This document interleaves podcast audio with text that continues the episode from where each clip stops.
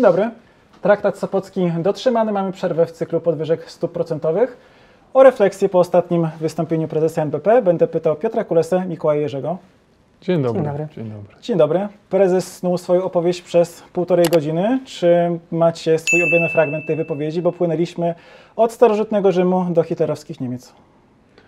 No, mój ulubiony fragment to to, gdzie prezes mówił o tym, że trzeba być ostrożnym, zarówno w tym, jak się pieniędzy do rynku dopuszcza, jak i jak się tych, te pieniądze, e, kolokwialnie mówię, z rynku ściąga.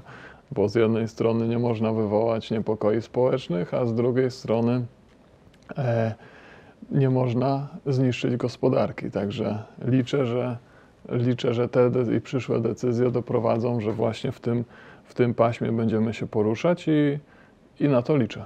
Piotrze?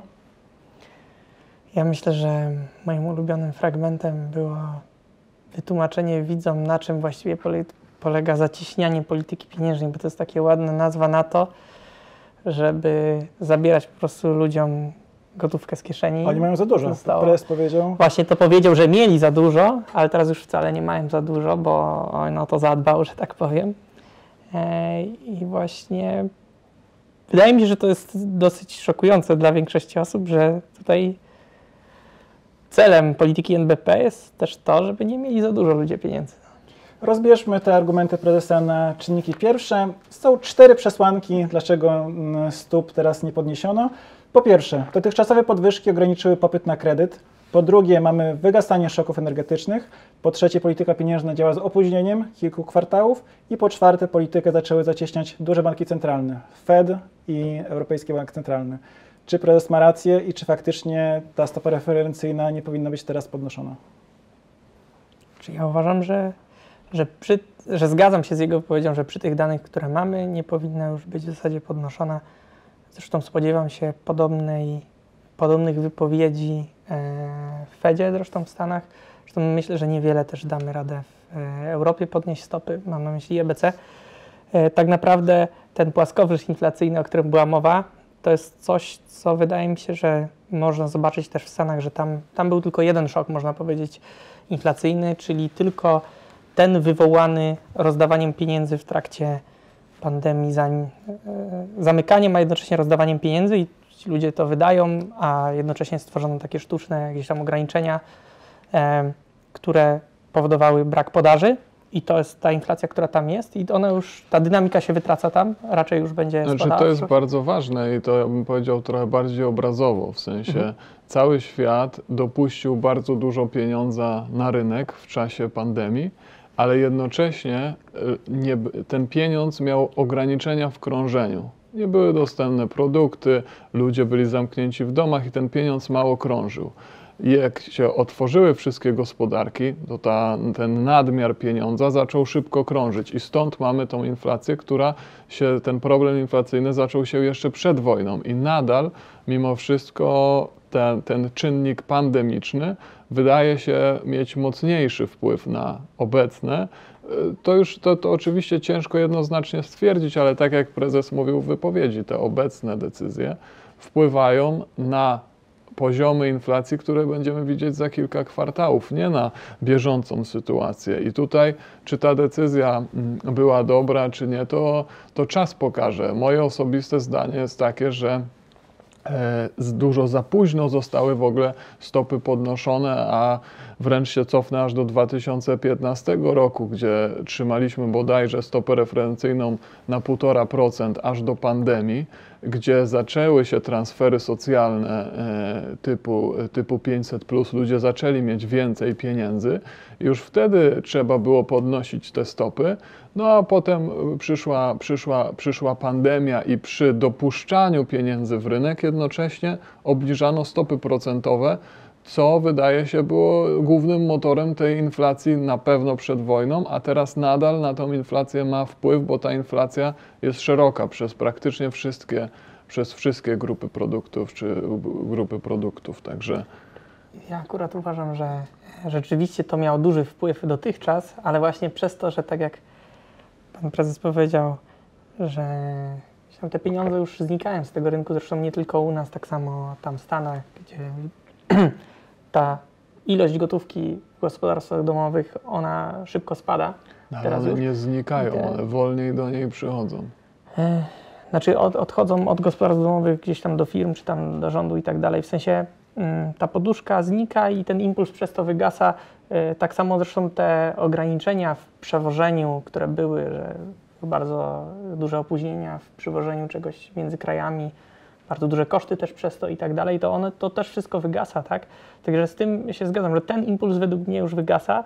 To jest. em, u nas mamy inną sytuację, w sensie u nas w Europie, mam na myśli, mamy inną sytuację w stosunku do reszty świata i przez to u nas ta inflacja zostanie i to akurat bank centralny według mnie nie ma nic, nie może nic z tym zrobić, tak? E, Okej. Przez, przez e, ten drugi powód inflacji, czyli ten szok e, energetyczny, tak? Który jest winą Europy i to nie ma nic wspólnego do końca z wojną, ale to możemy później o tym porozmawiać. winą geopolityki, w sensie długo prowadzonej strategii, e, i wino, i, ale widać, że nadal nie ma, przynajmniej na razie nie ma chęci przynajmniej zawieszenia tej polityki, która wpływa na, na, te, na te wyższe ceny energii. Mikołaj, napomknąłeś o transferach socjalnych. Prezes został zapytany o transfery socjalne. Czy to nie jest tak, że, że on się boi o politykę rządu? Natomiast prezes odpowiedział 15-minutowym ustnym esejem, gdzie poruszył m.in. em, swój życiorys, em, Richarda Nixona. No dużo było tych wątków, natomiast jedyny element, e, jeśli chodzi o transfery socjalne, wymienił wakacje kredytowe i tutaj zaznaczył, że nie jest za wakacjami kredytowymi dla wszystkich, że jeśli ktoś ma nad- nadwyżkę finansową comiesięczną, to nie jest dobrym pomysłem, żeby teraz e, zyskiwał dzięki wakacjom kredytowym. Ale czy Was niepokoją te transfery socjalne w kontekście wyborczym i ewentualnego tutaj spadku wartości pieniądza? Piotrze. Dobrze. Em, myślę, że znaczy w wyborczym kontekście no to jest naturalne, że przed wyborami tam się coś stara, coś państwo stara dawać. Myślę, że on też wskazał jedną ważną rzecz, że bank centralny nie jest w stanie zapobiec polityce rządu, że może sobie zacieśniać politykę, ale tutaj rząd daje, rząd daje tutaj wakacje kredytowe między innymi. E, Z drugiej strony dał dużą nadzieję na, na to, że ten wskaźnik mierzony, nazwijmy to, inflacji w przyszłości będzie niski, ale on będzie sztucznie zaniżony, można powiedzieć, przez ceny energii e, regulowane. Mówię tutaj o cenach en- i gazu, i energii elektrycznej, dlatego że, i to zresztą będzie nie tylko problem w Polsce, ale też znowu w całej Europie, że bardzo duże koszty rządy będą ponosiły rządy. Tak naprawdę to my y, wszyscy tylko, albo przysz, znaczy przyszli my, my, my w przyszłości ponosimy ten koszt dzisiaj. Tego to jest polityka, która będzie na dłuższą metę nie do utrzymania i wszystkie rządy trochę w Europie liczą na to, że wojna się szybko skończy na Ukrainie, no i, bo znaczy nie, nie będzie dało się tego dłużej niż 2-3 lata Znaczy, utrzymać na pewno. ja się zgodzę, że rok wyborczy jest trudny, bo e, takie są reguły e, demokracji i tak to teraz wygląda, że raczej się wszyscy licytują na to, kto da więcej. Myślę, że ubolewam nad tym, że głos przedsiębiorców jest tak niesłyszany, czy jest tak, e, tak, tak mały. Jeżeli chodzi o same transfery socjalne, to to uważam, że dołożenie do nich kryterium dochodowego byłoby, byłoby zasadne. Ja, ogólnie, mm, ja ogólnie mam troszkę inne podejście niż, niż, niż większość e, do tego, e, dlatego że ja uważam, że dużo problemów, które tego e, teraz mamy, wynika z przeregulowania wielu miejsc i wielu i miejsc gospodarczych, i wielu też działań społecznych. I uważam, że akurat dokładanie regulacji e, niewiele da, a zastanowiłbym się nad tym, czy da się to uprościć. Na przykład zaryzykowałbym, zaryzykowałbym stwierdzenie, że długoterminowo my moglibyśmy na przykład w ogóle zrezygnować z pobierania podatku dochodowego od osób fizycznych, jeśli byśmy zn- znacząco ograniczyli transfery społeczne, a to by strasznie uprościło e, życie społeczne e, i by było takim naturalnym, e, takim, ta, takim naturalnym mechanizmem. E, a jeśli już Tutaj uważam, że prezes nie mógł inaczej odpowiedzieć, no bo jednak rząd i Narodowy Bank Polski są niezależnymi instytucjami od siebie i on nie ma, nie ma wpływu na to, co robi rząd, aczkolwiek widać, że tej koordynacji do tej pory było, e, było, było mało, może za mało. Mam nadzieję, że obie te instytucje e, będą, będą e, przynajmniej sobie nie przeszkadzać.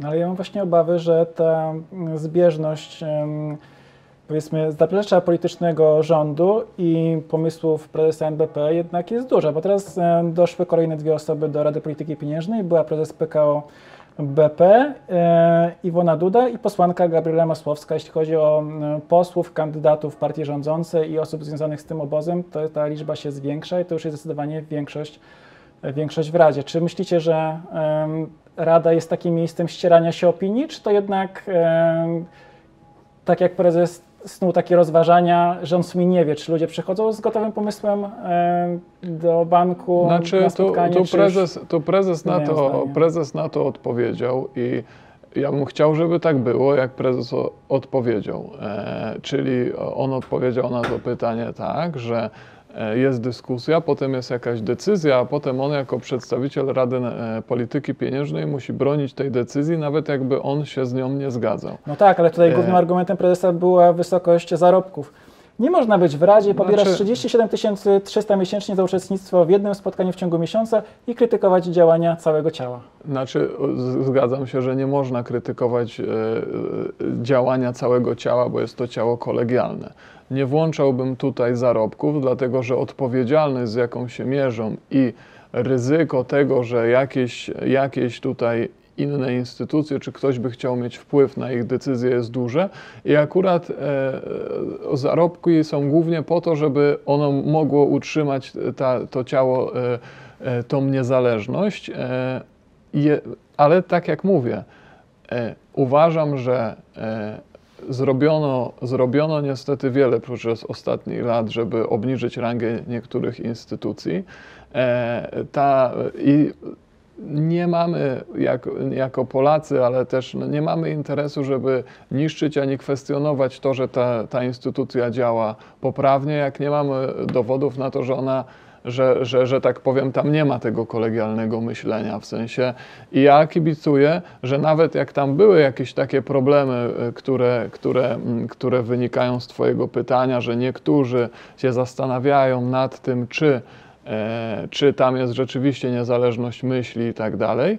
e, To ja kibicuję, że nawet jak się pojawiały tam jakieś takie sytuacje, które by to kwestionowały, to mam nadzieję, że to ciało będzie w stanie samo się z takich procederów oczyścić, bo to jest dla dobra nas wszystkich i, i kibicuję, żeby, żeby, żeby byli w stanie sami wyeliminować e, ewentualnie takie procedery, jeśli one miały miejsce. Ja uważam, że przez 40 lat e, wiatr wiał w stronę tego, żeby bank centralny był bardziej, coraz bardziej banki centralne na całym świecie były bardziej niezależne od rządów, a teraz ten wiatr się odwrócił i to nie tylko, i w sumie już 10 lat temu. I to nie tylko. Wind of Change puścimy. tak, możemy włączyć.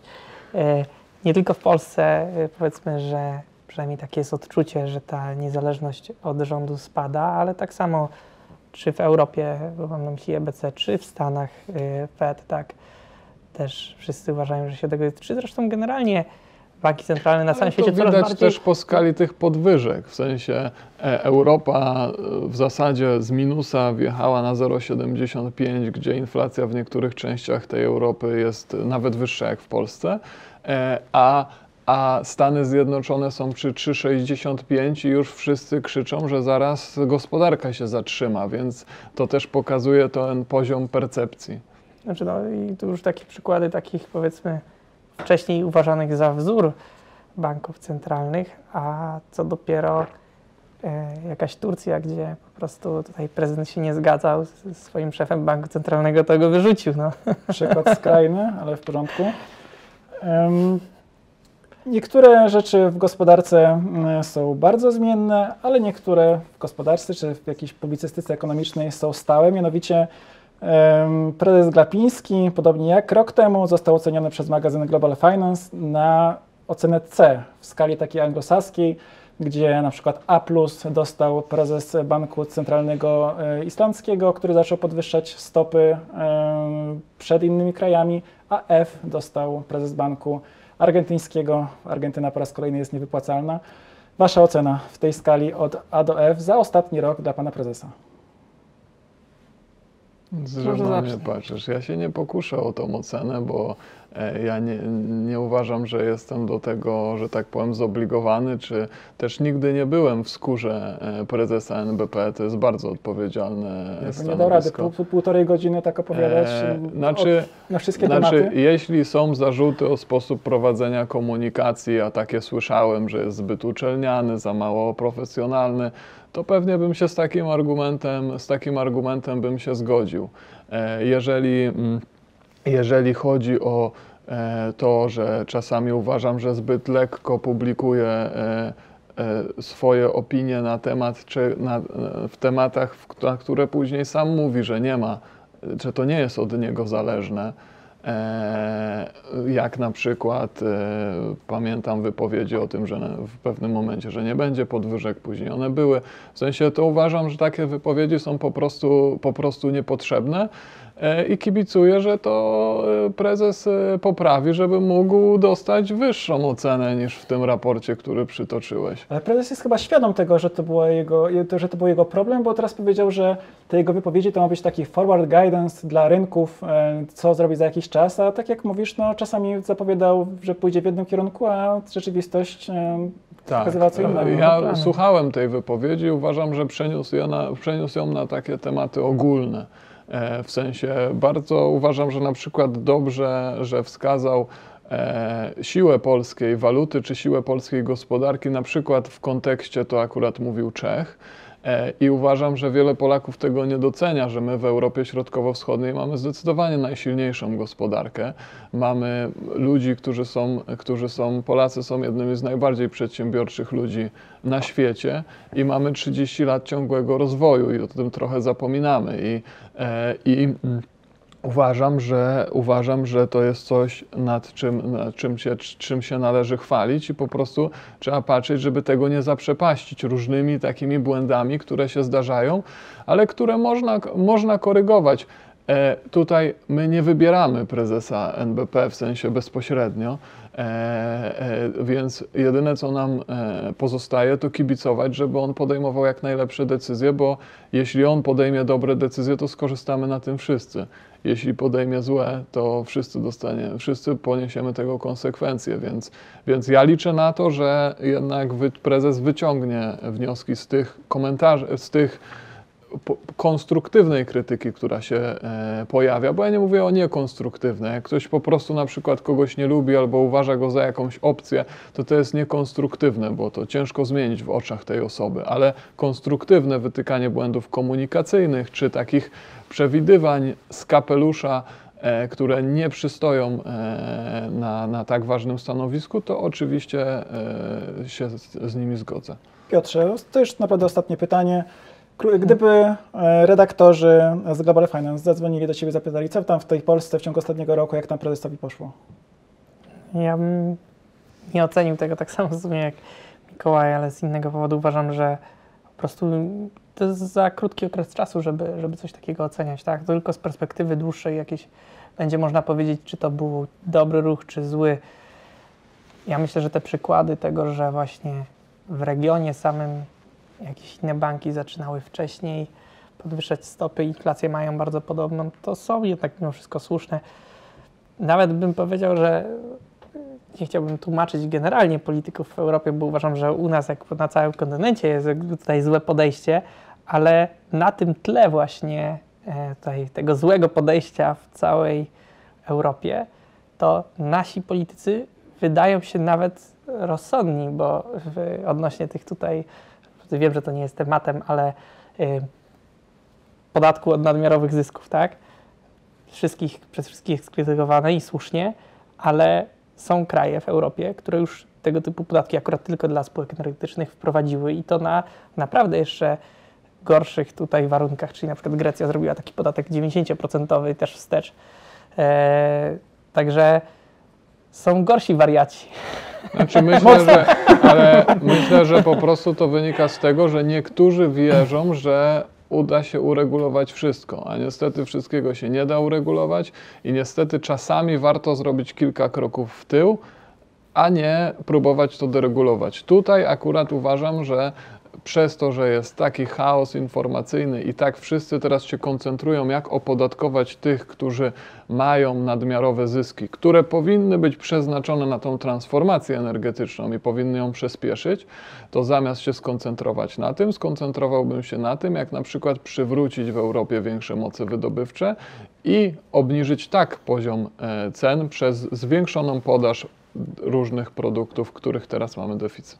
Bo to właśnie jest. e, Czy towarów. Że, bo to jest bardzo ważne, mi się wydaje, w kontekście nawet inflacji, bo te, ten podatek, który jest u nas bardzo dobrze, że jest kontrowersyjny e, od nadmiarowych zysków, to on e, to nie jest pomysł lokalny, tylko Komisja Europejska go forsuje, żeby wszystkie państwa go wprowadzały, po to, żeby właśnie rzekomo walczyć z inflacją bo te pieniądze zebrane w ten sposób mają właśnie rozdane tym konsumentom, żeby im rachunki nie podskoczyły i ta oficjalna inflacja To statystyczna jak to wtedy nie walczyć z wzrośnie. inflacją? Tak? No bo inflacja ta mierzona przecież konsumencka, To wtedy nie zależy- wzrośnie, no bo rachunek nie wzrośnie za prąd, jeśli się tam załapie na te To warunki. już proponuję Ale nie, nie, zostawić. bo- Ale bo to myślę, że to jest, zyski tego nie za- e, nie Myślę, że to jest, e, znaczy, ale e, podatek ma być pobrany na to, żeby rozdać tym ludziom i żeby nie podwyższać właśnie tych rachunków. I właśnie mi się wydaje, że to jest, znaczy to jest bardzo ważny problem, bo to jest odpowiedź na pytanie, czy ta polityka zostanie w e, dłuższej perspektywie oceniana dobrze czy źle, bo tylko jeśli właśnie te warunki będą bardzo przejściowe, czyli że ta wojna się nagle skończy i nie wiem, i Rosja nam będzie znowu za pół darmo dawała wszystkie surowce, a myślę, że to się nie stanie tak do końca, Ale Piotr, szukasz To tylko logiki. wtedy- No. E, tylko wtedy się to uda, to co w tej chwili się dzieje, tak? A e, w innym przypadku Dziękuję. no bo myślę, że Będzie szukasz za- logiki tam, gdzie logiki po prostu nie ma. Okej. O No. podatku od nadmiarowych zysków, który nas emocjonuje, bo kolejny dzień o tym rozmawiamy. Być może nagramy osobny odcinek. Zapraszamy do śledzenia naszego kanału Grupy Kapitałowej Immobile. Do zobaczenia. Do zobaczenia. do zobaczenia.